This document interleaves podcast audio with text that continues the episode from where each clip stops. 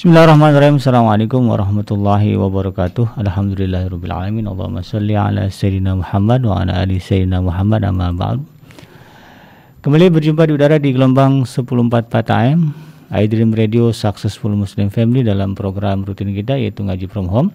Seperti biasa kita akan mendengarkan kajian dan ulasan terkait dengan masalah uh, atau hal-hal dalam urusan agama kita yang akan disampaikan oleh para guru-guru kita, para asatid. Dan untuk hari ini kita akan sama-sama menghadiri kajian dalam program ngaji from home bersama guru kita Al Ustaz Abdullah Haidar LSI di mana uh, tema yang akan dibahas pada hari ini adalah tentang uh, tawasul dan istighosah. Bagaimana kedudukannya dalam Islam dan ini masih uh, sambungan dari serial kajian tentang akidah. Mudah-mudahan kita diberikan kekuatan untuk uh, menyimak atau uh, mengikuti kajian ini hingga tuntas sehingga mudah-mudahan menjadi ilmu bagi kita semuanya. Dan jika ada nanti di antara sahabat iDream Radio dan juga sahabat iDream TV yang ingin bertanya terkait dengan materi yang disampaikan oleh guru kita, silakan bertanya langsung dengan menulis pertanyaan di kolom komentar. Nanti insya Allah kita akan sampaikan ke sebatas waktu yang eh, diberikan oleh guru kita dan bagi anda yang mungkin eh, mendengarkan kita melalui gelombang 1044 AM anda bisa bertanya melalui nomor WhatsApp di 0822 988 1044. Baik, tidak berlama-lama, kita akan langsung kepada uh, guru kita untuk mendengarkan kajian dengan tema tawasul dan istighosah bagaimana kedudukannya dalam Islam. Pada Ustaz Abdullah Hadirasi, saya persilakan. Assalamualaikum warahmatullahi wabarakatuh. Waalaikumsalam. Bismillahirrahmanirrahim. Alhamdulillahirabbil alamin wassalatu wassalamu ala sayyidina Muhammadin wa ala alihi wa ashabihi wa man tabi'ahum bi ihsanin ila yaumiddin amma ba'd. Allahumma 'allimna ma yanfa'una wanfa'na bima 'allamtana. Allahumma zidna ilman nafi'a wa 'amalan mutaqabbala wa alhiqna bi ibadikas salihin. Uh, sahabat Adrim yang dimuliakan Allah Subhanahu wa taala, alhamdulillah kita kembali dapat berjumpa dalam program ngaji from home ya. Kita melanjutkan kajian-kajian uh, tauhid dan akidah ya uh, yang biasa kita lakukan. Ya, kini kita akan membahas satu masalah uh, yang memang ada kaitannya dengan bab ini ya, dan dimasukkan dalam kajian-kajian tauhid ya, yaitu tawassul dan istighatsah ya, apa kedudukannya dalam Islam? Ya. Ini memang permasalahan yang relatif ya cukup sering ya jadi perbincangan ya, kalau tidak dikatakan sebagai perdebatan di tengah kaum muslimin ya. Uh, kadang perdebatan yang cukup hangat ya sampai pada uh, apa istilahnya uh, apa namanya saling tuding dan semacamnya ya Sejatinya permasalahan seperti ini sangat layak kalau kita pahami dengan baik dan dengan seksama ya dan kemudian juga kita cukup memberikan ruang bagi adanya diskusi, bagi adanya pandangan-pandangan yang boleh jadi berbeda. Akan tapi tetap saja dengan prinsip-prinsip dasar ya keimanan yang benar, pemahaman yang benar ya tanpa melupakan persaudaraan dan ukhuwah ya di antara kaum muslimin. Baik, Uh, berbicara tentang tawassul, ya, uh, tawassul itu dari segi bahasa ya, uh, itu punya akar kata yang sama dengan al wasilah. Ya, wasilah itu artinya perantara, sarana.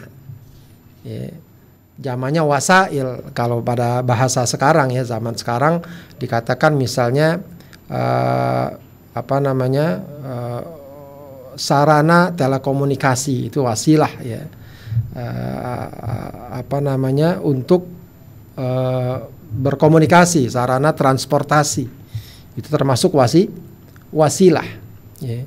artinya uh, wasilah adalah ya, perantara atau sarana yang mengantarkan kita kepada sesuatu untuk sampai pada tujuan tertentu ya. Itu wasi wasilah. Adapun ya, yang menjadi pembahasan dalam bab ini ya ketika kita berbicara tentang tawassul Ya, yang dimaksud tawasul dalam kajian Islam itu adalah berdoa kepada Allah Subhanahu wa taala dengan menyertakan sesuatu ya yang dapat menyebabkan terkabulnya doa. Jadi uh, ketimbang kita berdoa kepada Allah sekedar ya Allah tolonglah saya, maka kita sertakan sesuatu yang ya diharapkan dengan hal itu doa kita semakin terkabul. Ya. Nah, sesuatu yang disertakan itu namanya perantara, namanya wasilah. Dan perbuatan tersebut disebut dengan tawas tawassul. Ya, dengan tawassul. Artinya dengan begitu maka insya Allah doa kita ya semakin kuat bobotnya, semakin kuat peluang untuk mendapatkan istijabah dan terkabul dari Allah Subhanahu wa taala. Ya. Baik.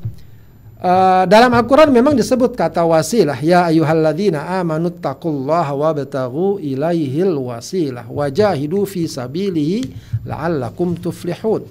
Ya, At-Tabari di antaranya ya dalam tafsirnya uh, mengartikan al-wasilah adalah watlubu al-qurbah ilaihi bil amali bima yurdihi Ya, jadi ya ayyuhalladzina amanu taqullaha wahai orang beriman bertakwalah kepada Allah wa batagu ilaihil wasilah.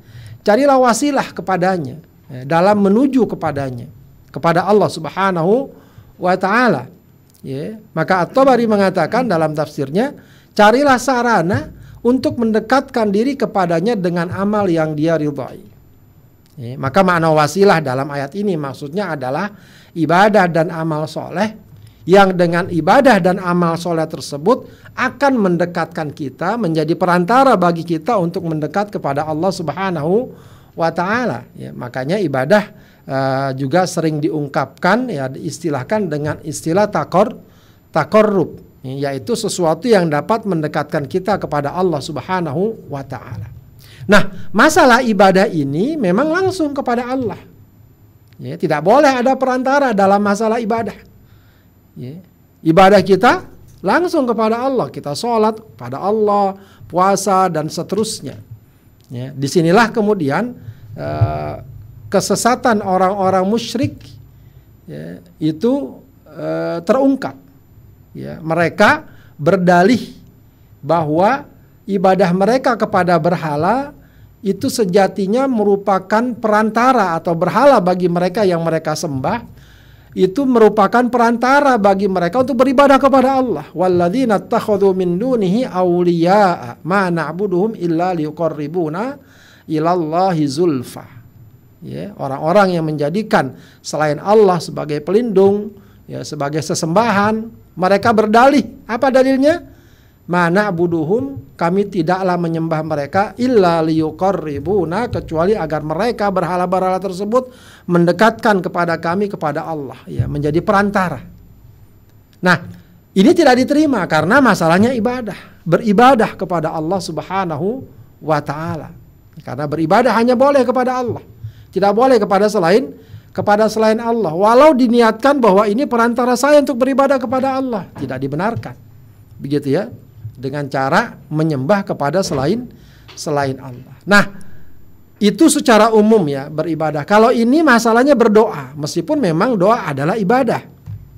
Ya, doa adalah ibadah, dan berdoa berarti pemahamannya apa? Hanya juga kepada Allah.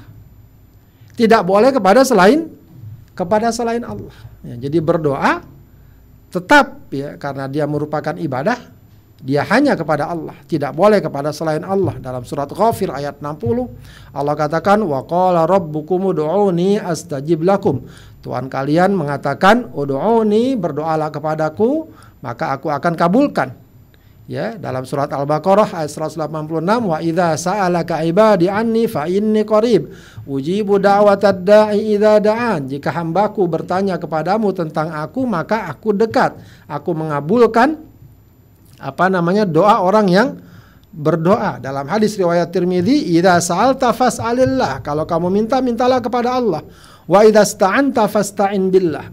Ya kalau kamu minta tolong minta tolonglah kepada kepada Allah. Nah ini jelas kaidah dasarnya. Berdoa kepada Allah kepada Allah. Ya berdoa kepada Allah. Nah lalu Permasalahan tawasul di mana? Tawasul artinya kita menyertakan sesuatu untuk doa kita kepada Allah, begitu ya. Jadi bukan berarti kita tawasul itu kita berdoa kepada selain Allah. Tidak. Doanya tetap kepada kepada Allah. Tapi ada sesuatu yang kita sertakan. Ya, ketimbang kita sekedar berdoa, ya Allah ampuni saya, ya Allah beri saya rizki, ya Allah dengan ini, maka kita sebutkan sesuatu itu. Yang nanti akan kita coba uraikan. Apa saja sesuatu tersebut yang kemudian berdasarkan dalil-dalil yang ada memang dibenarkan uh, untuk kita bertawasul dalam doa-doa kita. Dalam doa-doa kita. Bahkan juga dianjurkan semestinya. Begitu ya. Dianjurkan. Ya, jadi uh, ini pemahaman yang harus kita pahami dulu ya duduk persoalannya. Ya jangan sampai nanti memang ada semacam uh, pengaburan makna atau pemahaman yang menyimpang. Oh tawasul itu berarti boleh ya. Oh, apa maksud anda tawasul? Kan kita minta kepada si fulan, kepada syekh fulan tidak, bukan itu tawasul. Tawasul kita berdoa tetap kepada Allah, kepada Allah, begitu ya. Karena doa adalah ibadah. Ibadah nggak boleh selain kepada Allah kepada Allah. Cuma ya saat berdoa itu kita menyertakan sesuatu ya yang boleh dianggap sebagai wasilah ya perantara yang dengan itu kita berharap doa kita akan semakin dikabul dikabulkan begitu ya. Jadi dengan mengatakan misalnya Allahumma inni atawassalu ilaika bi apa begitu ya Allah aku bertawassul kepadamu ya dengan ya, ABC begitu ya. Uh, atau dengan bahasa lain yang semakna ya, dengan bahasa yang uh, semakna ya. Nah, perkara ini itu ada syariatnya dan ada juga anjurannya. Ya, memang nanti ada hal-hal yang patut dipahami uh, dengan dengan baik.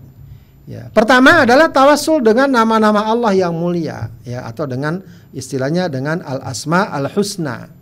Tawasul dengan nama Allah yang mulia. Ya, dan ini jelas dalam Al-Qur'an Allah sebutkan walillahil asmaul husna fad'uhu biha. Dan Allah memiliki nama-nama yang mulia, maka berdoalah dengannya. Ya, kita dianjurkan ya, memohon kepada Allah Subhanahu wa taala ya lalu kita sertakan nama-nama Allah atau sifat-sifat Allah Subhanahu wa taala. Dan itu biasanya sadar atau tidak sadar kita sering mengucapkan ya dengan menyebut nama Allah ya Rahman ya Rahim ya Dzal Jalali wal Ikram. Ya, kita sebut nama-nama Allah dalam doa-doa kita. Dalam doa-doa kita. Ya Hayyu ya Qayyum bi rahmatika nastaghith. Wahai yang maha hidup dan maha terjaga bi rahmatika dengan rahmatmu. Nastaghith, aku mohon pertolongan. Ya, aku mohon pertolongan. Ya, jadi kita nggak mengatakan ya Allah berilah saya pertolongan. Ya, itu kan langsung kalau ini enggak, birahmatika dengan rahmatmu ya Allah. Dengan rahmatmu, dengan sifatmu yang mulia, dengan namamu yang mulia. Ya. Tolonglah aku. Eh, dalam satu hadis ya dan ada banyak beberapa hadis yang uh, diriwayatkan ya yang menunjukkan uh, tawassul dengan nama Allah yang mulia ini. Ya di antaranya dalam hadis riwayat Nasai Ibnu Majah ya uh, suatu kali Rasulullah mendengar ya seorang yang berdoa dengan membaca Allahumma inni as'aluka bi anna lakal hamd la ilaha illa antal mannan badi'us samawati wal ard ya dzal jalali wal ikram ya hayyu ya qayyum ya Allah aku mohon kepadamu bi anna lakal hamd bahwa engkau pemilik segala puji la ilaha illa anta tidak ada tuhan yang disembah selain engkau. Ya al mannan yang maha pemberi badi wati wal art pencipta langit dan bumi ya dal jalali wal ikram wahai yang memiliki keagungan dan kemuliaan ya hayu ya qayyum wahai yang maha hidup dan maha terjaga. Bayangkan berapa banyak nama-nama Allah yang disebutkan nah Rasulullah ketika mendengar orang tadi membaca dengan doa tersebut berdoa dengan membaca uh, kalimat tersebut ya itu kan semua nama-nama Allah ya maka Rasul bersabda dia telah berdoa dengan namanya yang mulia, nama Allah. Yang apabila dengan nama itu seseorang berdoa maka akan dikabulkan jika dia minta maka akan dipenuhi. Ya, ini uh, menunjukkan ya betapa uh, bagusnya kalau doa-doa kita itu menyertakan ya nama-nama Allah sebagai tawas sebagai tawassul. Ya, sebagai tawassul. Baik, ada juga uh, hadis ya ini bukan pengungsi ya salah tulis nih. Ya, hadis uh, pengusir ya. ya.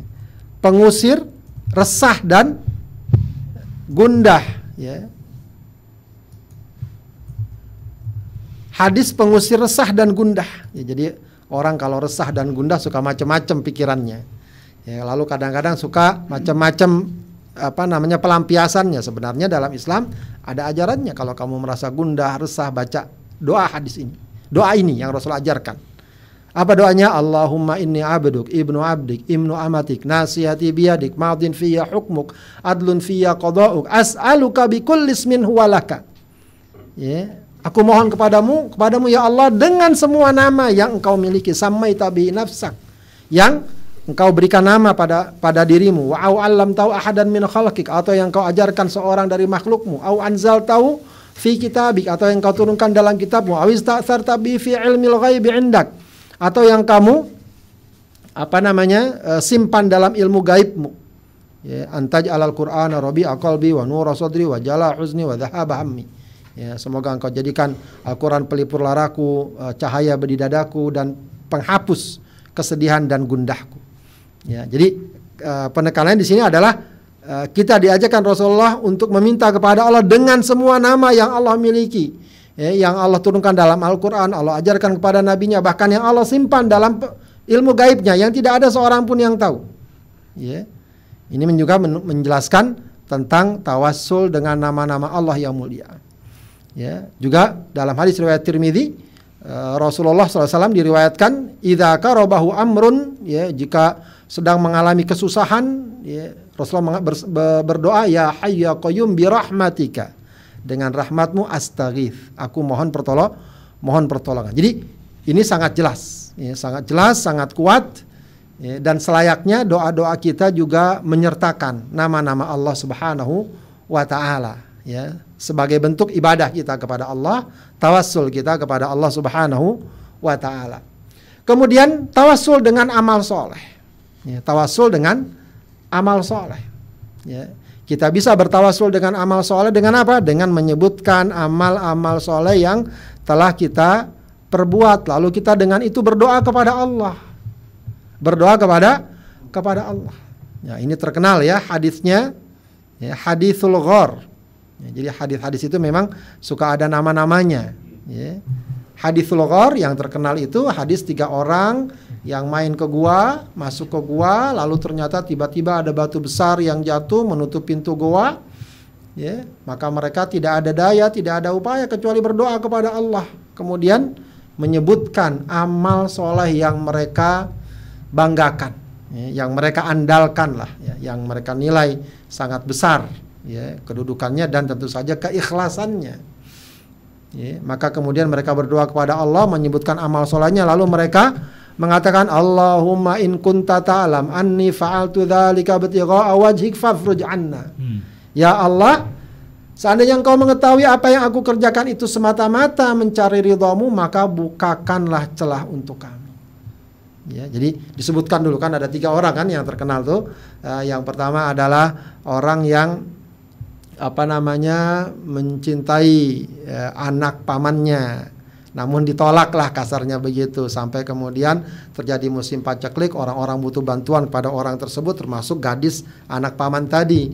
Maka ketika dia minta bantuan dibilang saya mau bantu kamu tapi kamu mau sama saya berduaan di kamar ya berzinahlah begitu ya kasar. Karena mungkin terdesak dia bilang ya mau kemudian sampai akhirnya terjadi mereka tinggal berdua di dalam kamar pintu terkunci, tidak ada orang lain yang tahu. Ketika perbuatan itu ingin dilakukan, maka sang gadis mengatakan ittaqillah, bertakwalah kamu kepada Allah. Maka se seketika pemuda tadi ingat sama Allah, ingat dosa, ingat maksiat, dia batalkan dan dia gagalkan rencana maksiat tersebut karena Allah.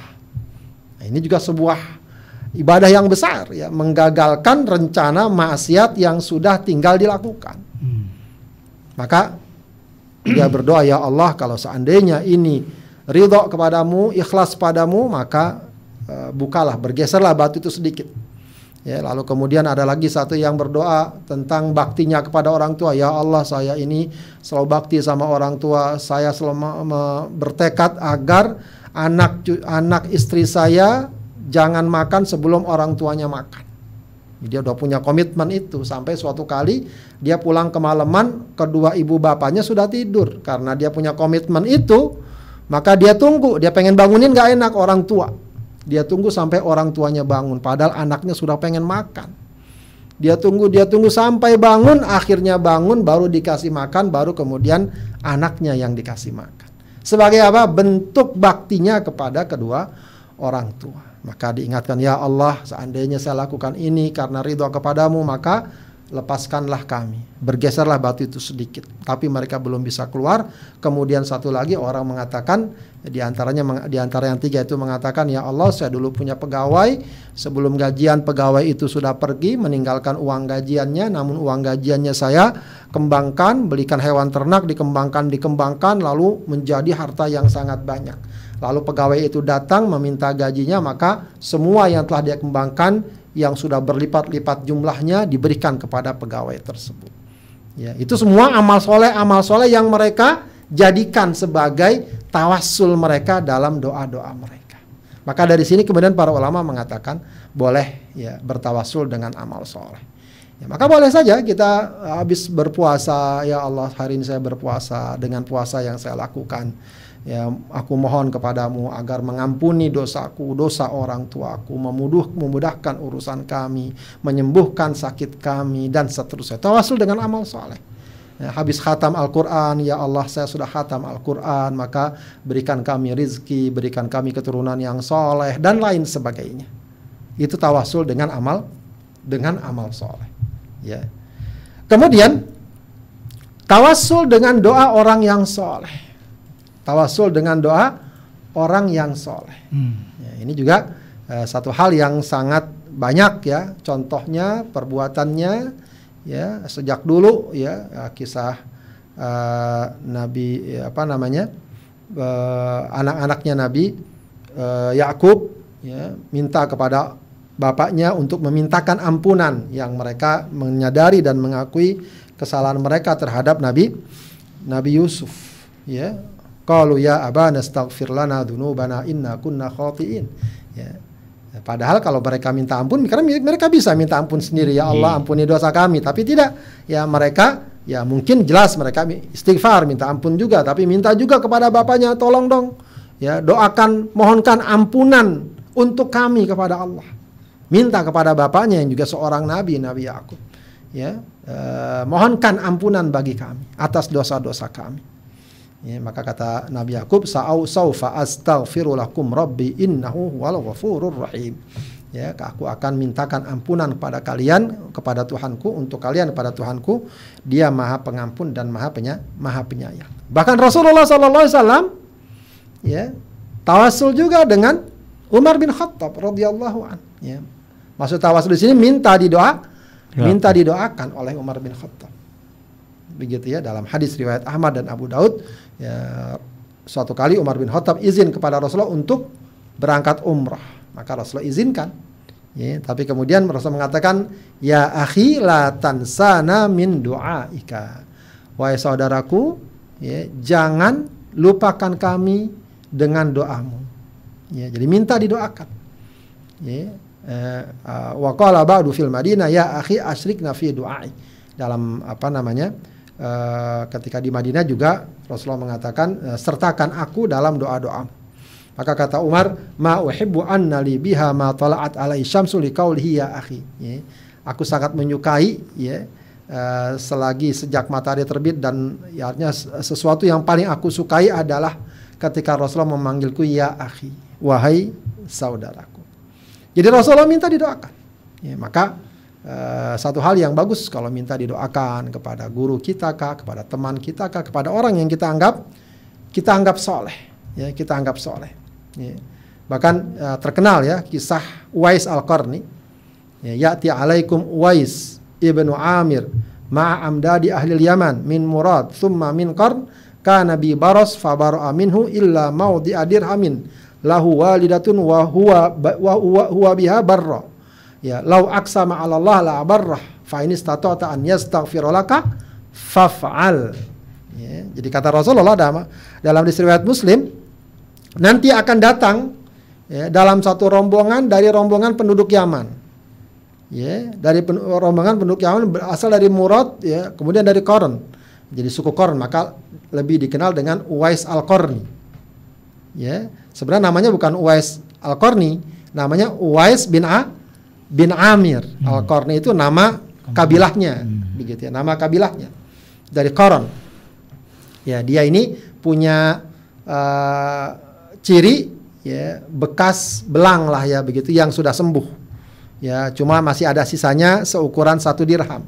Ya mungkin sekeping mata uang begitu ya.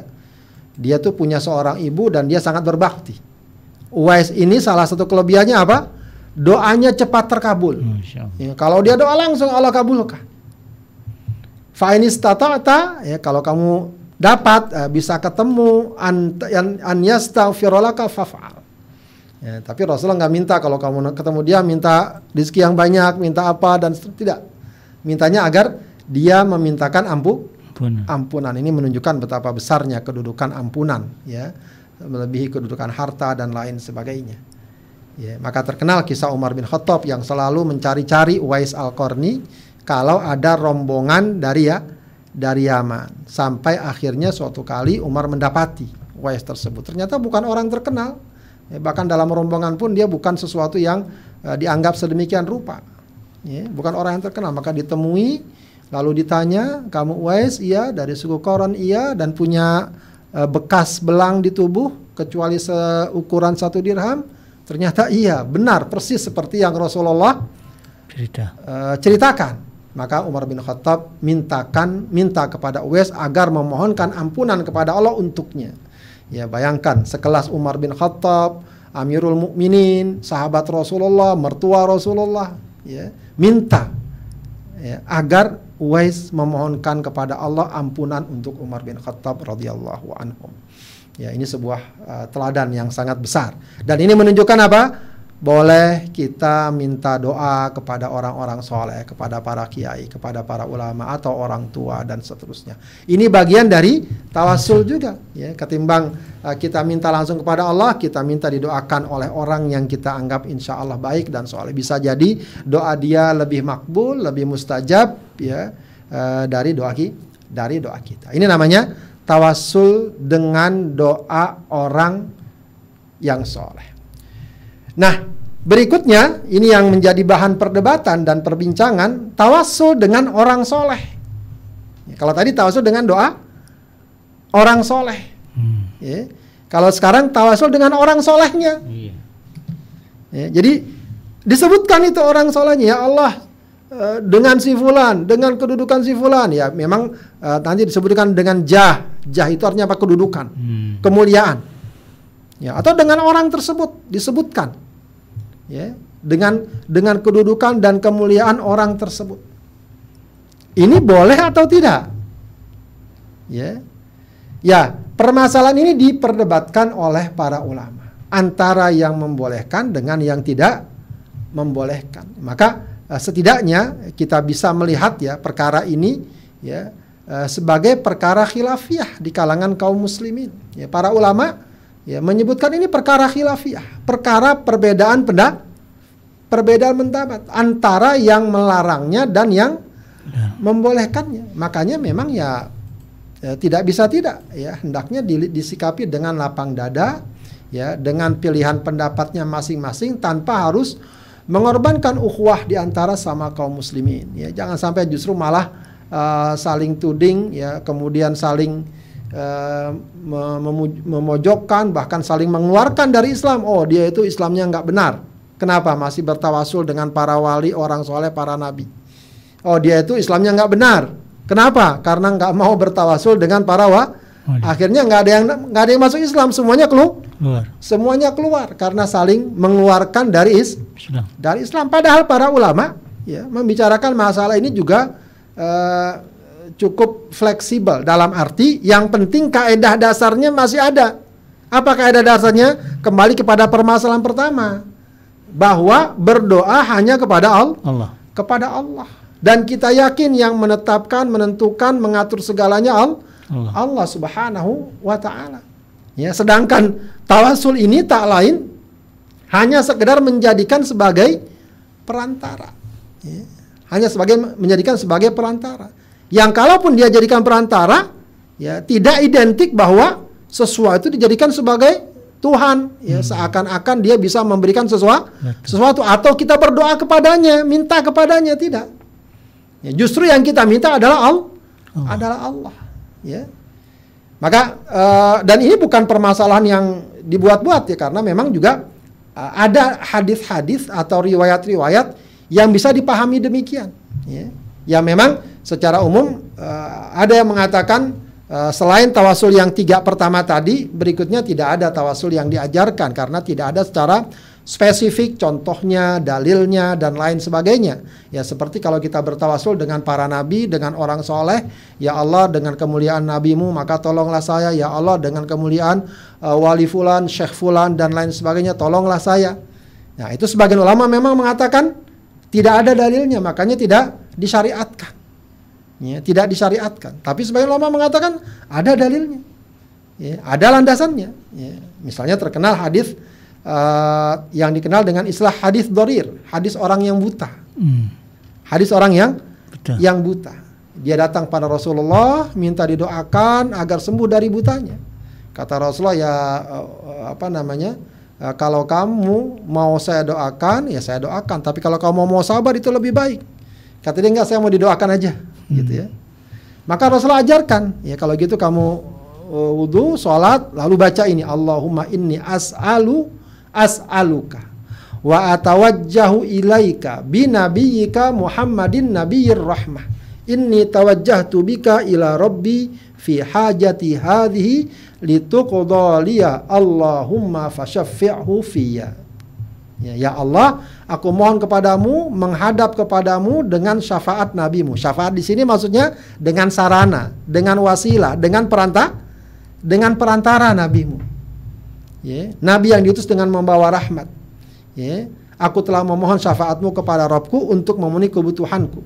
Ya, maka uh, Allahumma fashaffi'hu fiyya. Ya, ya Allah, terimalah syafaatnya untukku. Hmm. Begitu ya. Jadi hadis ini ya menunjukkan bahwa apa namanya uh, orang tadi berdoa dengan bertawassul menyebut nama Rasulullah Shallallahu Alaihi Wasallam. Menyertakan dalam doa doanya. dalam doanya. Begitu ya dalam doa dalam doanya. Ya, memang nanti akan banyaklah perdebatan ya masalah ini. Akan tapi setidaknya eh, bahwa mereka yang membolehkan tawasul dengan orang-orang soleh bahkan setelah kematiannya sekalipun begitu ya itu sesuatu yang e, bukan sesuatu yang juga mengada-ngada begitu saja ya. Jadi ada juga landasan landasannya ya. Juga terdapat dalam hadis riwayat Bukhari yang sangat terkenal ya. Bagaimana Umar bin Khattab pada masa beliau menjadi khalifah ya itu kalau sedang terjadi musim paceklik musibah ya maka dia minta hujan. Minta uh, berdoa untuk diturunkan hu hujan. hujan. Dan di antara doanya yang sangat terkenal adalah Allahumma inna kunna natawassalu ilaika binabiyina fatasqina. Ya Allah, dahulu kami bertawasul kepada Engkau dengan nabi kami. Ya, fatasqina, lalu Engkau turunkan hujan ya Allah.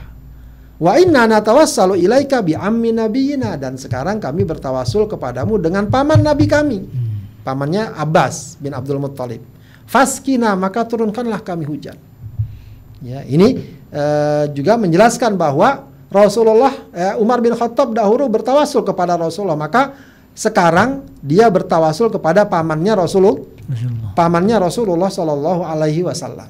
Ya, paling tidak ini bisa dijadikan atau dap, dijadikan oleh mereka yang membolehkan tawasul ya dengan apa namanya dengan uh, orang soleh dengan para nabi.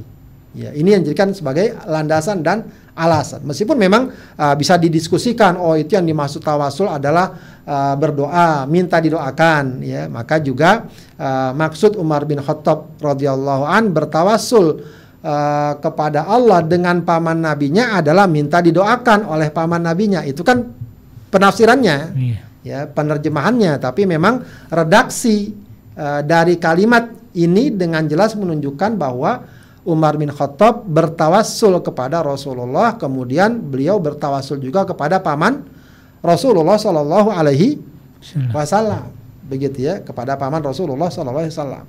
Ala kulihal, permasalahan seperti ini memang tidak mungkin lepas ya dari adanya interpretasi ya perbedaan sudut pan sudut pandang. Kalaupun seseorang mengambil pandangan yang dia nak dia anggap lebih kuat, itu merupakan pilihannya.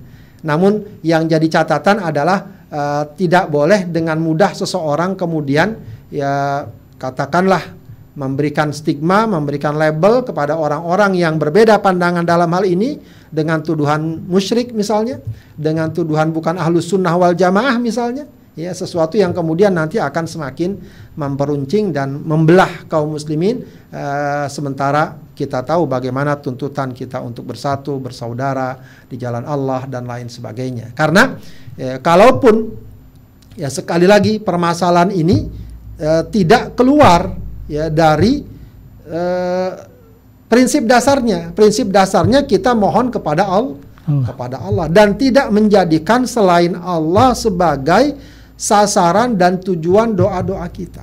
Ya, sasaran dan tujuan doa-doa doa-doa kita. Ya. Baik, kemudian tambahan dari masalah ini adalah masalah istighothah. Ya, sebenarnya istighothah juga hampir sama dengan bab tawassul ya. Cuma dia lebih spesifik lagi memang ya, lebih spesifik lagi dan lebih apa namanya ya lebih sensitif lagi ya, lebih tipis lagi permasalahannya. Dari segi bahasa istighosa itu tolabul ghaus ya, minta pertolongan. Ya, minta pertolongan ya. E, dari bencana yang berat dan keburukan. Jadi pertolongan yang apa namanya? E, yang sedemikian rupa ya. Kalau orang minta diambilkan buku, minta tolong dong ambilkan buku, itu kan bukan perkara berat. Yeah. Ya. Tapi kalau ada orang misalnya sudah hampir tenggelam, hmm. dia minta tolong, nah itu namanya istighosa. Oh. Jadi minta tolongnya udah apa istilahnya? Sudah banget begitu ya, hmm. sangat kritis. Ya, kalau sekarang misalnya orang sedang longsor, tolong, tolong begitu kan? Nah, itu istigho, istighosa. Istighosa. Begitu ya. Minta tolongnya kalau bahasa apa yang biasa itu SOS ya. Yeah. Nah, itu udah sangat berat ya. Darurat. Eh, darurat yeah. ya. Jadi kalau cuma minta diambilin pulpen atau apa itu biasa itu namanya isti'anah. Oh. Jadi ada isti'ah ada isti'anah. Isti'anah minta tolong hmm. ya. Ada yang lebih berat lagi istighosa. Istighosa. Istighosa ya. Atau istighosa juga diartikan minta sesuatu yang amat berat ya yang tidak mungkin dapat dipenuhi oleh makhluk biasa. Oleh makhluk. Hmm. Ya. Minta tolong apa? Minta tolong diselamatkan dari neraka. Itu kan bukan perbuatan makhluk. Hmm minta tolong agar dimasukkan ke dalam surga, minta tolong agar dijauhkan dari bencana, wabah, eh, dari berbagai macam masalah. Itu istighothah. Nah, intinya istighothah itu juga sama berdoa.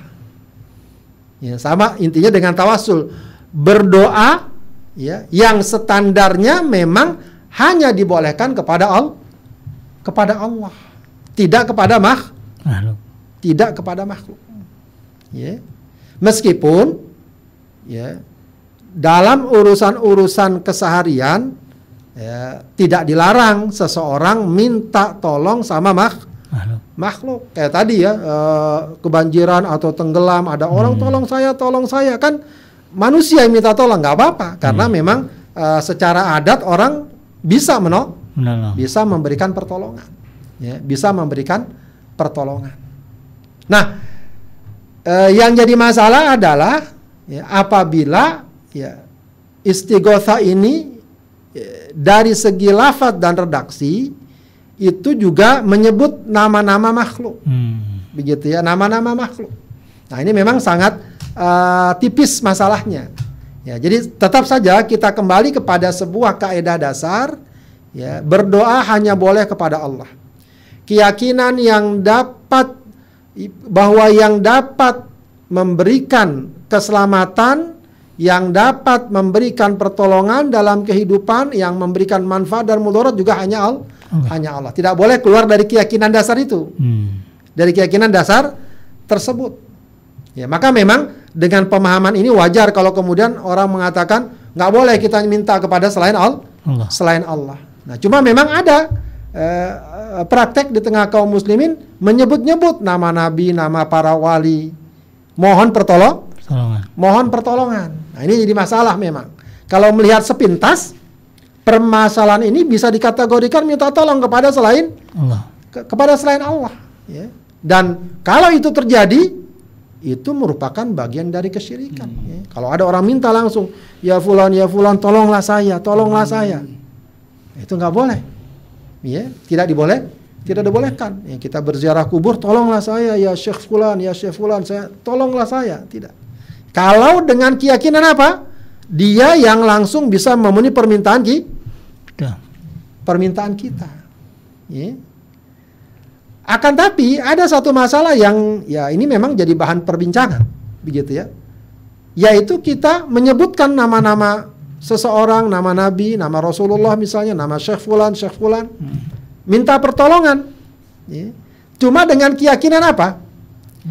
Dengan keyakinan bahwa mereka nanti dapat membantu kita untuk memohon kepada Allah. Memohon kepada Allah. Memohon kepada Allah Subhanahu wa taala. Begitu ya. Jadi tetap dengan keyakinan yang akan memenuhi dan mengabulkan adalah Allah. Allah. Orang-orang soleh tadi, para nabi, para wali itu, ya kita yakini mereka walaupun sudah di alam barzakh, mereka dapat membantu kita untuk ya memenuhi keinginan kita dengan memohonkan kepada Allah Subhanahu wa taala. Ya. Nah, ini memang jadi perkara yang uh, diperdebatkan begitu ya. Ada yang membolehkan, tapi memang dia sangat uh, tipis masalahnya karena itu memang juga dari segi praktek pengalaman pengamalan di masyarakat pun juga tidak terlalu populer ya. Hmm. karena memang cukup rawan kalau orang awam melihat ya Rasul tolonglah kami. Itu bisa jadi orang memahami oh kalau begitu kita boleh berdoa minta sama Rasulullah. Ya maksudnya eh, tolonglah kami itu maksudnya apa? Tolonglah mintakan kepada Allah untuk kami. untuk kami gitu jadi dia juga bisa masuk dari bab tawasul juga ya tapi dalam bentuk yang lah yang lain. Dalam surat An-Nisa ayat 64, ya ini juga salah satu yang dijadikan sebagai dalil ya. Walau annahum idzalamu anfusahum. Ya mereka apabila menzalimi diri mereka jauka datang kepada engkau. Fastaghfirullah lalu minta ampun, minta apa namanya? Uh, ampunan kepada Allah. Wastaghfarallahumur rasul lalu Rasul memohonkan ampunan untuk mereka lawajadullah tawwabar rahimah niscaya mereka akan mendapati Allah uh, sebagai yang maha penerima penerima taubat dan pemilik kasih sa pemilik hmm. kasih sayang. Ya, di sini kemudian dikatakan jauh datang kepada engkau, minta uh, mohon ampun dan minta agar Rasulullah mem memohonkan ampunan untuk mereka untuk mereka. Ya, nah, sebagian para ulama mengatakan ini dapat dilakukan juga setelah Rasulullah setelah Rasulullah wafat. Ya meskipun sebagian ulama mengatakan ini hanya bisa dilakukan kalau Rasulullah hidup. Ya, cuma ayatnya kan bersifat umum. Ya, baik saat hidup atau saat wa, wafat. saat wafat. Bisa seorang mohon kepada Rasulullah agar memintakan ampunan kepada Allah kepada Allah untuk mereka untuk mereka. Ya, untuk mereka. Ya uh, pemahaman ini dapat ditangkap dalam sebuah hadis yang cukup dikenal ya. Uh, uh, seorang sahabat yang bermalam bersama Rasulullah Sallallahu Alaihi Wasallam dan dia kemudian memenuhi segala keinginan atau kebutuhan Rasulullah ya kemudian Rasulullah ingin berikan dia hadiah ya. Memberikan dia apa namanya ya surprise ya. Kata Rasulullah kamu minta apa yang kamu mau maka apa yang diminta oleh sahabat tadi as'aluka aku mohon kepadamu murafaqata murafaqataka fil jannah aku mohon kepadamu dapat menjadi pendampingmu di surga. Ya. Kalau urusan minta masuk surga, itu mintanya sama siapa? Semestinya minta sama siapa? Allah. Sama Allah. Tapi dia ini sahabat, mintanya sama siapa? Eh. Sama Rasulullah. Iya. Paham nggak? Ya. Kalau secara sepintas Rasul tidak bisa menetapkan seorang masuk surga atau neraka kan? Iya. Tapi apa yang bisa Rasul lakukan? Mendoa. Mendoakannya. Iya. Mendoakan mendoakan. mendoakannya. Makanya kemudian Rasulullah apa namanya katakan di akhir hadisnya fa inni ala nafsika bikathrati sujud bantu aku maksudnya bantu aku untuk bisa mendoakan apa yang kamu mau dengan kamu memperbanyak so sholat sunnah begitu ya jadi ini yang kemudian dipahami oleh sebagian ulama bahwa ketika ada orang minta ya Rasul ya Rasul atau kadang-kadang ada istilah ya madat ya madat ya dan seterusnya ya kalau memang dia mak maknai atau maksudkan Eh, itu adalah minta langsung kepada yang dimaksud dan dia yakini Rasul bisa memberikan apa yang dia inginkan itu memang tidak boleh. Tapi kalau yang dia maknai adalah bahwa permintaannya kepada Rasul agar Rasulullah misalnya atau orang soleh atau waliullah ya memohonkan kepada Allah apa yang dia inginkan ya tujuannya tetap kepada Allah keyakinan bahwa Allah yang membalasnya yang mengabulkan doanya yang memberikan segala sesuatu dalam hidupnya maka itu tidak merubah dari prinsip dasar dari prinsip dasar. Jadi sebenarnya inti permasalahan ini adalah ya selagi keyakinan seseorang dasar utamanya adalah ya berdoanya ya arah tujuan dari doanya adalah Allah dan keyakinannya bahwa yang menentukan, yang membalas dan mengabulkan doanya, mengabulkan segala permintaannya, hakikatnya adalah Allah. Lalu yang lain ya itu dijadikan sebagai perantara-perantara ya. Maka itu masih ada ruang ya, di mana ada sebagian ulama yang membolehkan. Meskipun memang uh, kalau dalam bab istighotha ini memang harus berhati-hati sebab uh, pertimbangan uh, masyarakat umum, masyarakat awam nanti bisa salah persep persepsi. persepsi lalu lalu mereka minta-minta sama si fulan sama si fulan dengan keyakinan si fulan itu syekh tersebut yang dapat memenuhi permintaan kita. Hmm. Padahal mestinya maknanya adalah kita hanya minta kepada mereka agar mereka minta kepada Allah kepada Allah Subhanahu wa taala. Baik. Sahabat tadi yang dimuliakan Allah Subhanahu wa taala ini pembahasan kita tentang tawasul dan uh, istighatsah ya dan tentu saja uh, di luar dari perdebatan-perdebatan yang tadi terjadi ya pada dasarnya uh, bab tawasul ini uh, adalah bab yang mulia, bab yang agung di mana kita berdoa kepada Allah dan kita menyertakan hal-hal yang uh, diridhoi Allah dan dengan itu doa kita akan lebih dikabulkan insya Allah. Wallahu alam. Assalamualaikum warahmatullahi. Waalaikumsalam warahmatullahi wabarakatuh. Kita ucapkan uh, jazakumullah kepada Ustadz Abdullah Hadirasi yang telah uh, menyampaikan kajian pada hari ini dengan tema tawasul dan istighosah ya uh, terkait dengan bagaimana sebetulnya kedudukannya dalam Islam. Uh, banyak yang beliau sudah uraikan tadi ya terkait dengan tawasul jelas ya. Uh, tawasul dibolehkan kepada empat hal. Yang pertama kepada bertawasul dengan nama Allah yang kedua ber, eh, bertawasul dengan amalan soleh, yang ketiga bertawasul dengan doanya orang soleh, dan yang keempat bertawasul dengan orang soleh ya. Tadi juga sudah dijelaskan ya bagian-bagian tersebut eh, dan juga dijelaskan tentang istighosah. Baik sahabat itu yang dirahmati Allah di mana pun anda berada, uh, terima kasih bagi anda yang sudah menyimak dari tadi dan sudah menekan tombol like dan juga subscribe ya. Jangan lupa di share kepada kerabat sahabat untuk memaksimalkan pahala anda. Baik Ustaz, kita masuk ke sesi tanya jawab. Ada waktu kurang lebih eh, mungkin 15 menit ya. Kalau eh, cukup, kalaupun kurang nanti kita tambahkan lagi. Sebatas waktu yang diizinkan oleh Ustaz. Kita masuk ke pertanyaan pertama. Ini ada pertanyaan Ustaz dari akun atas nama Ratna Kartika, eh, Ratna Kartika Ibu Ratna ini. Wah ini jamaah kita Ustaz. Jamaah tetap. Eh, Assalamualaikum Ustaz. Kalau istighosa nah, itu diadakan setiap pekan dan sebelum diadakan istighosah itu e, bersalawat bersama dan setelah, setelah itu kemudian berdoa sesuai dengan permintaan masing-masing. Ini kira-kira e, seperti apa, Ustaz? Ya, e, kalau kita perhatikan ya istighosah yang banyak dipraktekkan di tengah masyarakat ya, umumnya memang biasanya sih e, tidak sampai dalam bentuk istighosah yang tadi Uh, kita jelaskan ya, yeah. tapi sebatas membaca zikir bersama Istilahnya, atau sholawat, ya. ya. Kemudian berdoa sama-sama kepada Allah dengan doa-doa yang standar biasanya, yang setahunnya. Cuma disebutnya istighosa, iya. begitu ya, uh, agar memberikan kesan ya. Ya, kalau pemahaman yang tadi saya jelaskan istighosa itu pemahaman yang mungkin berat lah ya. Iya, ya, tapi agar kita maksudnya paham bahwa itu pun juga masih ada ruang untuk bisa dipahami. Artinya secara umum eh, baik-baik uh, saja hmm. ya berzikir, berdoa dan seterusnya lalu mohon kepada Allah Subhanahu wa taala. Perkara nanti ada yang mengatakan oh zikir berjamaah tidak boleh dan seterusnya. Nah, itu ruang perbedaan pendapat lagi. Ya, ada yang mengatakan berzikir berjamaah nggak boleh bid'ah segala macam. Hmm. Ada yang hmm. mengatakan ya boleh-boleh saja. Ya, itu sesuatu yang uh, tidak ada larangan secara spesifik, secara spesifik begitu ya uh, terkait dengan masalah terse masalah tersebut. Ya, kalau ada orang memang apalagi di tengah masyarakat itu menjadi sebuah tradisi yang baik, insya Allah tidak mengapa. Wallahu a'lam. Uh, iya iya. Jadi kalau istighosahnya itu sendiri Ustaz uh, tidak semestinya kan istighosah itu berjamaah?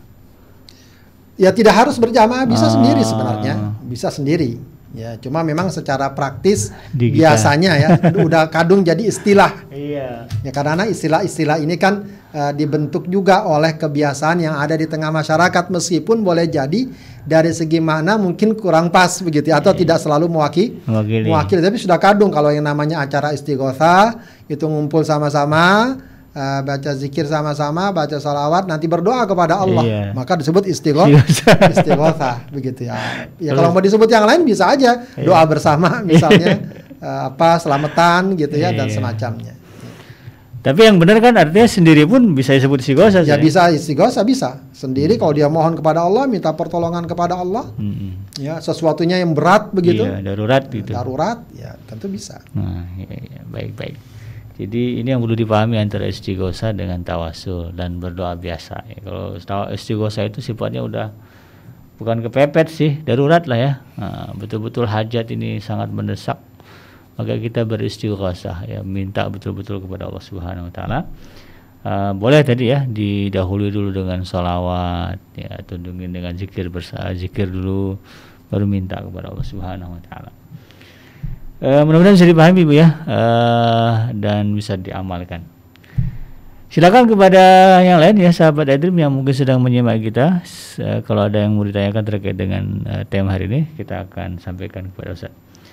Ini sambil menunggu saya jika ada nanti saya mau bertanya terkait dengan eh tadi kan ber eh, apa namanya istighosa dengan eh, dengan orang soleh Ustaz. Apakah eh, ruang lingkup orang soleh ini dibatasi nggak di dalam eh, syariat? Misalnya hanya ke- dengan bertawasul dengan nabi, bertawasul dengan sahabat nama-nama tertentu atau umum general orang soleh mana saja boleh kita jadikan sebagai eh, sarana untuk memohon kepada Allah Subhanahu Wa Taala.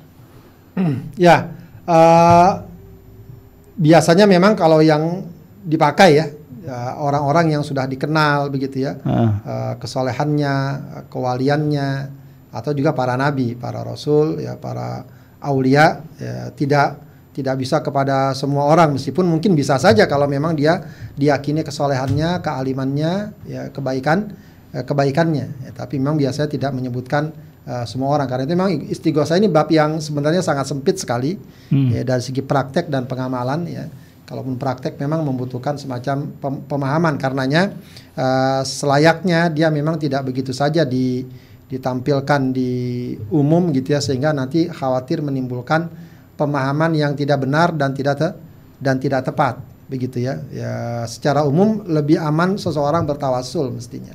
Bertawasul saja ya dengan apa yang apa yang sudah disyariatkan atau sudah jelas kedudukan kedudukannya. Namun juga eh, di sisi lain kita tidak bisa eh, begitu saja memberikan vonis terhadap eh, praktek-praktek istighosa dengan vonis-vonis misalnya syirik dan dan semacam dan semacamnya begitu ya. Jadi eh, yang umumnya biasa dilakukan istighosa itu misal kepada nabi melalui apa nabi kepada rasul pada orang-orang soleh pada wali-wali tertentu tertentu yang sudah dikenal ya kewaliannya. Mesti mesti mening- orang yang sudah meninggal apa yang masih hidup walinya kita anggap nih orang soleh Ya sebenarnya hidup. bisa hidup bisa meninggal juga. Oh gitu. begitu kalau kita uh, meyakini uh, bahwa apa namanya dengan itu uh, dapat menjadikan doa-doa kita terkabul jadi dia juga bentuk lain ya dalam bab tawassul juga sebenarnya Hmm. Ya, bentuk lain dalam bab uh, dalam bab tawassul Maksud ya. Misalnya kayak sekarang nih Ustaz, kita eh, tahu ada masih ada ulama besar ya, uh, Ya. Yusuf Al-Qardawi. Hmm. Eh, kita berdoa bertawasul dengan menyebut nama beliau gitu. Nah, kalau itu tawassul nanti babnya Nah, itu boleh nggak Ustaz?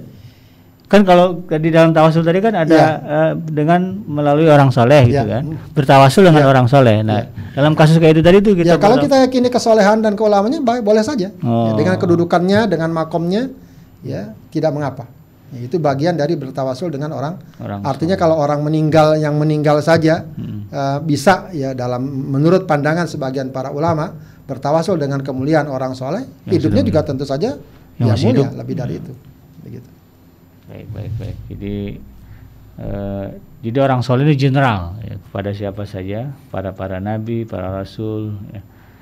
Eh, kemudian kita bisa be- bertawasul dengan eh, menyebut nama mereka. Ya mudah-mudahan ini juga bisa dipahami. Eh, mungkin harus ada ini satu sesi eh, tentang kajian ada berdoa. Ustaz.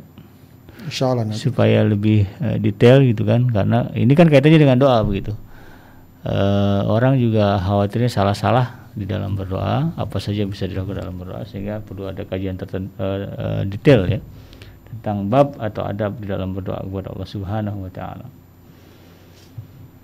Baik, uh, Ustaz, sepertinya uh, tidak ada lagi pertanyaan dan mungkin tema ini juga uh, kita sudah sama-sama paham lah ya tentang uh, berdoa itu hanya kepada Allah Subhanahu wa taala.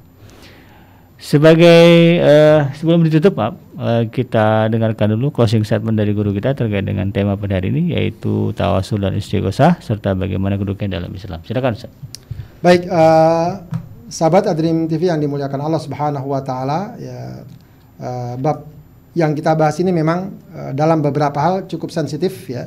Karenanya memang uh, bagus kalau seandainya kita uh, memahami lebih detail permasalahannya akan tapi juga jangan sampai kemudian terjebak pada uh, perkara serba boleh ya atau uh, tanpa batas ya bukan berarti kemudian uh, pembahasan ini membuat kita uh, merasa apa saja boleh dan tidak ada yang dilarang tentu hmm. tidak ya uh, perkara yang jelas ya uh, bahwa berdoa hanya kepada Allah bahwa yang menentukan kehidupan kita hanyalah Allah itu merupakan perkara yang uh, sudah jelas dan tegas ya. Maka berdoa kepada selain Allah jelas merupakan uh, perbuatan yang uh, sangat jelas uh, larangannya yang tidak boleh oleh dilakukan oleh seorang oleh seorang muslim. Adanya keyakinan bahwa selain Allah yang dapat memberikan manfaat atau mudarat juga merupakan perkara yang jelas yang tidak boleh diyakini oleh seorang muslim ya tapi e, menyertakan atau bertawasul misalnya dengan misalnya dengan orang soleh dengan para nabi itu tidak identik bahwa kita berdoa hmm. kepada nabi hmm. tersebut ya tidak identik bahwa kita uh, meyakini uh, para nabi orang soleh yang uh, menentukan hmm. hidup kita ya keyakinan kita tetap kepada Allah Subhanahu wa taala jadi memang ini perkara yang kadang-kadang cukup tipis ya uh, perbedaannya ya karenanya uh, penting bagi kita untuk memiliki kemampuan memilah dengan baik agar tidak terjebak pada uh, sikap misalnya mudah saling menyalahkan atau saling uh, misalnya mengkafirkan. Ini satu hal yang juga patut kita uh, pahami. Wallahu alam bisawab. Assalamualaikum warahmatullahi wabarakatuh. Waalaikumsalam warahmatullahi wabarakatuh. Demikian sahabat Idrim yang dirahmati Allah di mana berada tuntas sudah kebersamaan kita di petang hari ini di hari Selasa tanggal 11 ya Rajab tahun 1442 eh, Hijriah atau bertepatan dengan tanggal 23 di bulan Februari tahun 2021. Mudah-mudahan apa yang disampaikan oleh guru kita uh, bisa kita pahami dan kita amalkan dalam kehidupan kita sehari-hari. Saya Bikenji beserta kurang bertugas uh, pamit undur dari ruang dengar Anda. Mohon maaf atas segala kehilafan dan kekurangan.